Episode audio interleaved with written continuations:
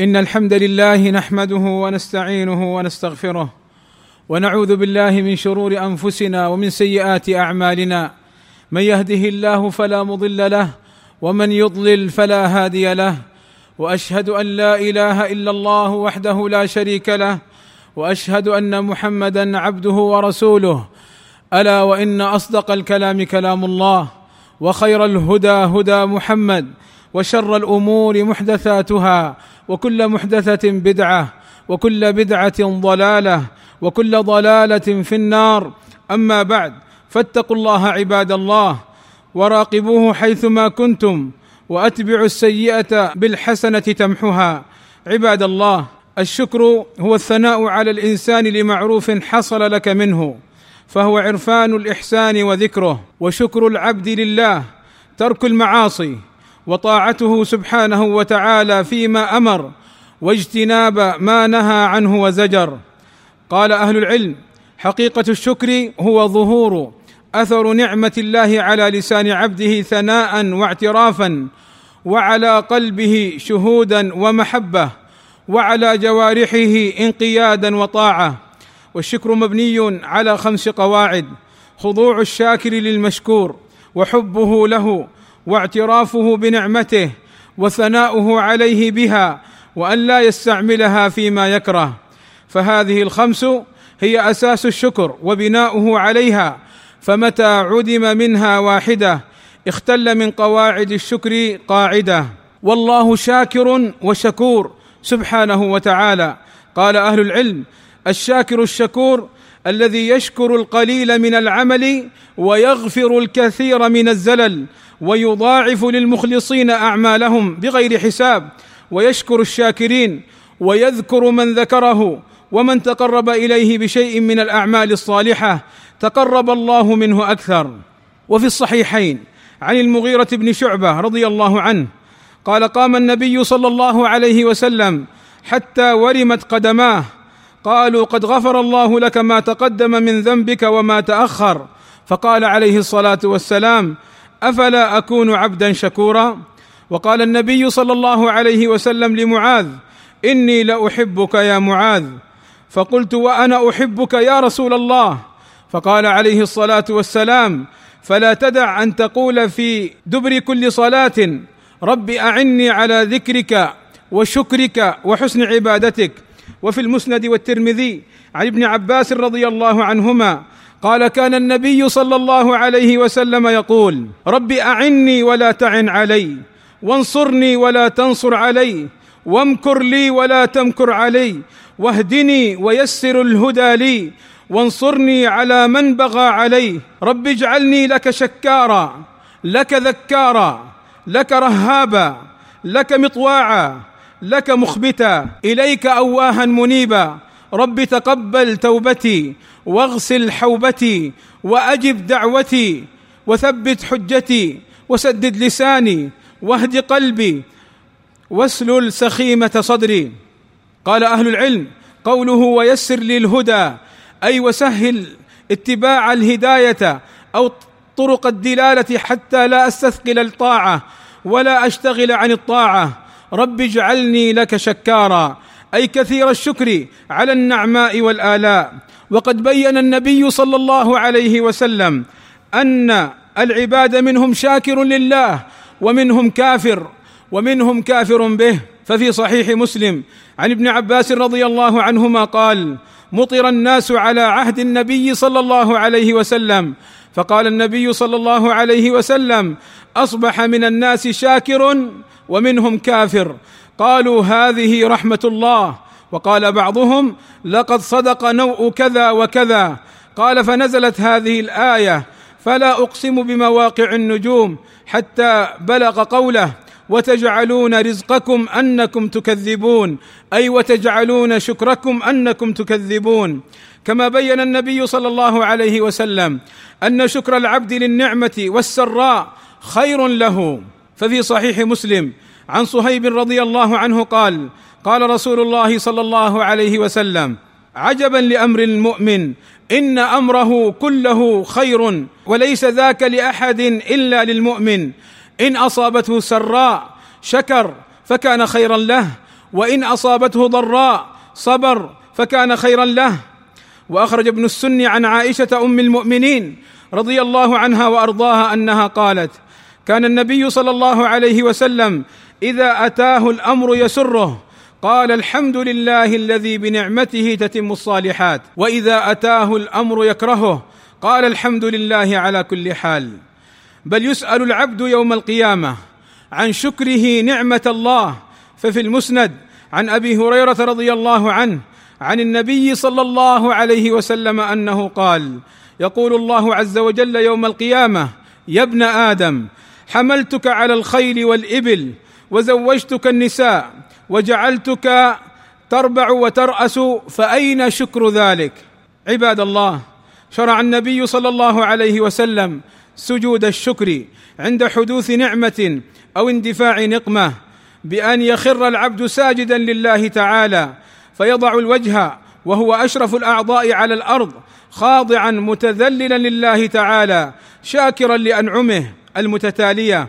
ففي سنن أبي داود والترمذي عن أبي بكرة رضي الله عنه عن النبي صلى الله عليه وسلم أنه كان إذا جاءه أمر سرور أو بشر به خر ساجدا شاكرا لله.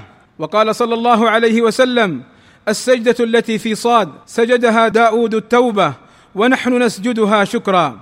وسجود الشكر مستحب عند جمهور أهل العلم كالشافعي وأحمد ومالك وغيرهم رحمهم الله تعالى. والمراد به السجود عند حدوث نعم متجددة التي يمكن وصولها ويمكن عدم وصولها لأن النبي صلى الله عليه وسلم لم يسجد إلا عند تجدد تلك النعم مع استمرار نعم الله سبحانه وتعالى عليه وتجددها في كل وقت. والصواب أن سجود الشكر لا تشترط له الطهارة من الحدث ولا استقبال القبلة وطهارة البدن والثوب والمكان عن النجاسة ولا ستر العورة وغيرها كما ذهب إلى ذلك كثير من السلف وهو اختيار ابن تيمية وابن قيم وابن باز وابن عثيمين رحمة الله عليهم جميعا وغيرهم من أهل العلم. وليس لسجود الشكر تكبير لا في أوله ولا في آخره وليس فيه تشهد وليس فيه تسليم لعدم ثبوت ذلك عن النبي صلى الله عليه وسلم أو عن أحد من الصحابة رضوان الله عليهم أجمعين ولم يرد فيه ذكر معين. والله أسأل لي ولكم القبول والتوفيق والسداد في الدنيا والآخرة وأن يغفر لنا الذنوب والزلات. إنه غفور رحيم. الحمد لله رب العالمين والصلاة والسلام على المبعوث رحمة للعالمين وعلى آله وصحبه أجمعين. عباد الله إن القلب الشاكر مع لسان ذاكر وزوجة مؤمنة من أفضل الأشياء للمسلم.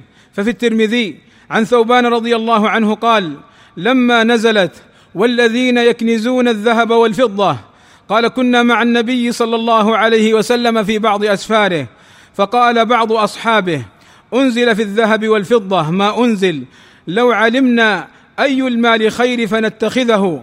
فقال النبي صلى الله عليه وسلم أفضله لسان ذاكر وقلب شاكر وزوجة مؤمنة تعينه على إيمانه.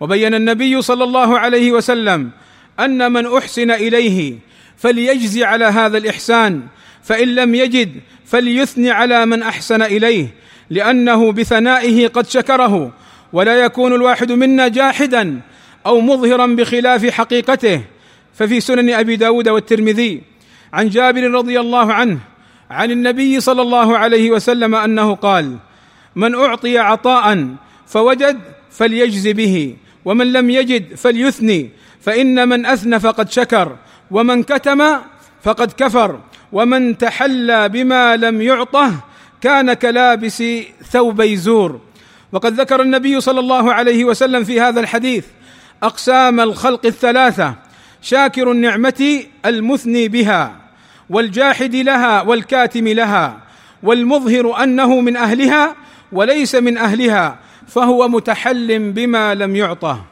وأخرج أحمد في المسند عن النعمان ابن بشير قال قال النبي صلى الله عليه وسلم على المنبر من لم يشكر القليل لم يشكر الكثير ومن لم يشكر الناس لم يشكر الله التحدث بنعمة الله شكر وتركها كفر والجماعة رحمة والفرقة عذاب. قال أهل العلم معناه أن الله لا يقبل شكر العبد على إحسانه إليه. إذا كان العبد لا يشكر إحسان الناس ويكفر معروفهم لاتصال أحد الأمرين بالآخر أو أن يكون معناه أن من كان من طبعه وعادته كفران نعمة الناس وترك الشكر لهم كان من عادته كفر نعمة الله تعالى وترك الشكر له. ولك يا عبد الله أن تقول لمن أحسن إليك جزاك الله خيرا. ففي الترمذي عن أسامة بن زيد رضي الله عنهما قال قال رسول الله صلى الله عليه وسلم من صنع إليه معروف فقال لفاعله جزاك الله خيرا فقد أبلغ الثناء. وإنا لنحمد الله ونشكره على ما من به من هذه الدولة الراشدة أعني المملكة العربية السعودية التي تحكم بشرع الله كتابا وسنة على ما كان عليه الصحابة رضوان الله عليهم. فمن حق هذه الأسرة أعني آل سعود أن نشكرهم على ما يقومون به من خدمة الإسلام والمسلمين وحفظ الأمن والإيمان والدعوة إلى التوحيد والأخذ على يد كل مفسد وظالم.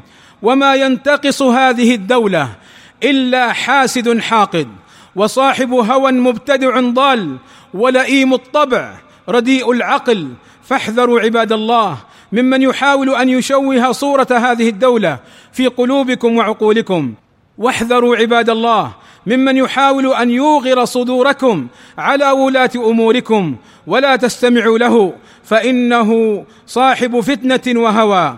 فاللهم أجزي عنا الملك سلمان بن عبد العزيز وولي عهده الأمير محمد بن سلمان وأمراءه ووزراءه. اللهم اجزهم عنا خيرا.